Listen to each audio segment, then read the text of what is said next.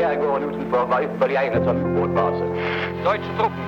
Stortinget og regjeringen forlot tidlig i dag morges når tyskerne nå hadde landsatt troppen. Alle ble sett på prøve. Ingen slapp unna.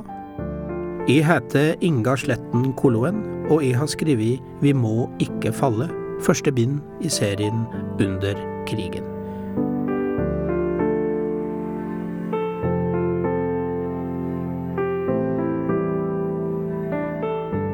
Hvordan var egentlig forholdet mellom Quisling og Hitler?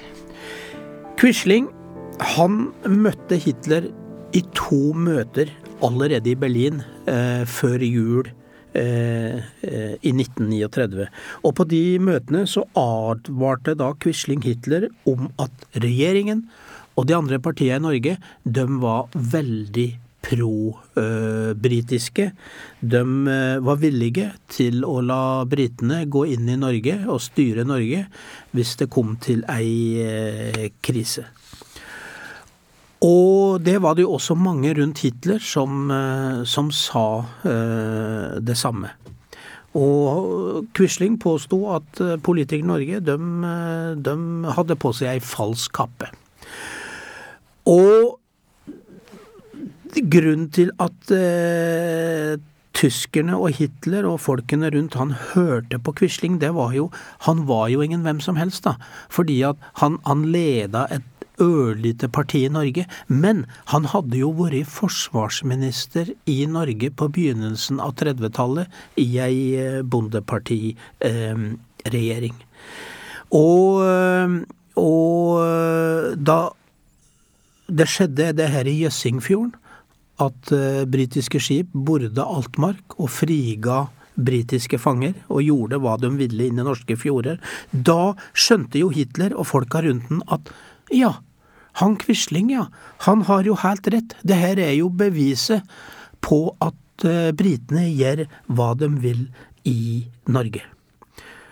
Og, og Hitler etter det så følte han at han sto i stor takknemlighetsgjeld til Vidkun Quisling. Men du, du skildrer også hvordan Hitlers mann i Norge, eh, Josef Terboven, så på Quisling nærmest med forakt og ville ha ham vekk fra Norge og politikken? Ja, det er riktig. Og, og, og det her trekløveret Vidkun Quisling, Josef Terboven og Hitler, de uh, vier jo uh, ganske stor uh, plass i, i denne boka.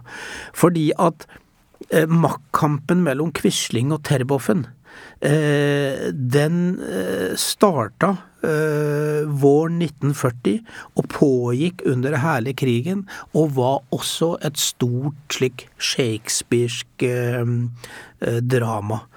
Og, og de var bitre rivaler. Både ville styre og ha bort den andre, definitivt. Og Terboven, han uh, kjente jo Hitler godt. Hadde jobba sammen med Hitler uh, helt siden ja, i, i, nærmere 20 år. Men han begikk en stor feil. Han undervurderte uh, Hitler og overvurderte på en måte sin egen betydning.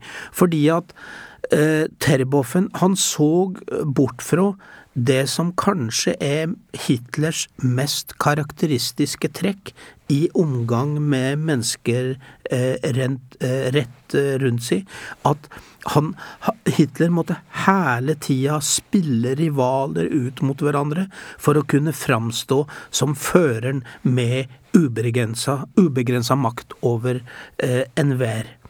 Og eh, Terboven måtte faktisk krype til korset be flere rundt Hitler om unnskyldning, og øh, han måtte også, øh, om ikke direkte, så indirekte, be Quisling om unnskyldning.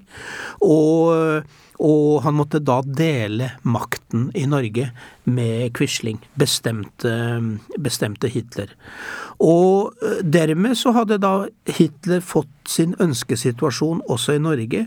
Hadde to rivaler som hun kunne spille aldeles hensynsløst opp mot hverandre og sitte og, og ta de, de store mm, eh, beslutninger. Og for Terboven så var jo dette her et stort nederlag, både eh, prestisjemessig, men også personlig. For han hadde sett for seg at han skulle avansere ytterligere i det tyske maktapparatet, og lede da eh, et enda større land eh, enn Norge, som, som tyskerne hadde um, okkupert. Men heller ikke Hitler gir eh, Quisling full pott. Fortell hva som skjedde 25.9.1940. Ja, altså vi har 9. april, som er liksom det store vendepunktet. Da kommer krigen til Norge. Og så har vi 25. september eh, 1940. Det er et nytt vendepunkt. For det som skjer da, det er at eh, Quisling og Terboven har nettopp kommet hjem igjen etter et av mange møter hos Hitler. Og her lovte da eh, Hitler Quisling at han skulle få regjere Norge etter hvert. Og Terboven, han måtte love å lære opp Quisling. Men Quisling, han fikk ikke lov å bli statsminister i denne første omgangen, men han fikk lov å være med å bestemme hvilke personer som skulle lede eh, departementene. Og ni av statsrådene som Terboven nå utnevnte, de var faktisk medlemmer i Nasjonal Samling. Og Quisling, da, han var smart. Han bandt da de her ni til seg på den måten at de måtte undertegne ei erklæring om at de var lojale overfor føreren i Nasjonal Samling, nemlig Vidkun Quisling. Og de måtte undertegne med sine egne navn i vitners eh, nærvær. Og han hadde da ukentlige møter med de her folka. Og 25. september så forbød Terboven alle partier i Norge utenom Nasjonal Samling. Og han oppfordra da alle nordmenn om å melde seg inn i Nasjonal Samling. Og neste dag, da holdt Quisling et stort møte i Oslo. Og jeg skal lese ørlite grann fra eh, hvordan jeg skildrer eh, det. Og det skjedde da på eh, midt i Oslo sentrum. Og litt over klokken 20 steg Vidkun Quisling opp på talerstolen på Nasjonal Samlings største dag. Tilhengerne møtte ham med kraftig stående bifall, mange med løftede høyrearmer i kjent førerhyllest. Quisling åpnet. Kamerater! Og kampfeller. 25. september vil gå inn som en merkedag i Norges historie. Det gamle er falt, og det nye Norge kaller. Han fortsatte med å slå fast at partipolitikken er begravd under sine egne ruiner. Politikerne, sitat, har gjort seg fortjent til alles forakt, de er døde i sin skam. Nå startet altså revolusjonen, og folket skulle nazifiseres.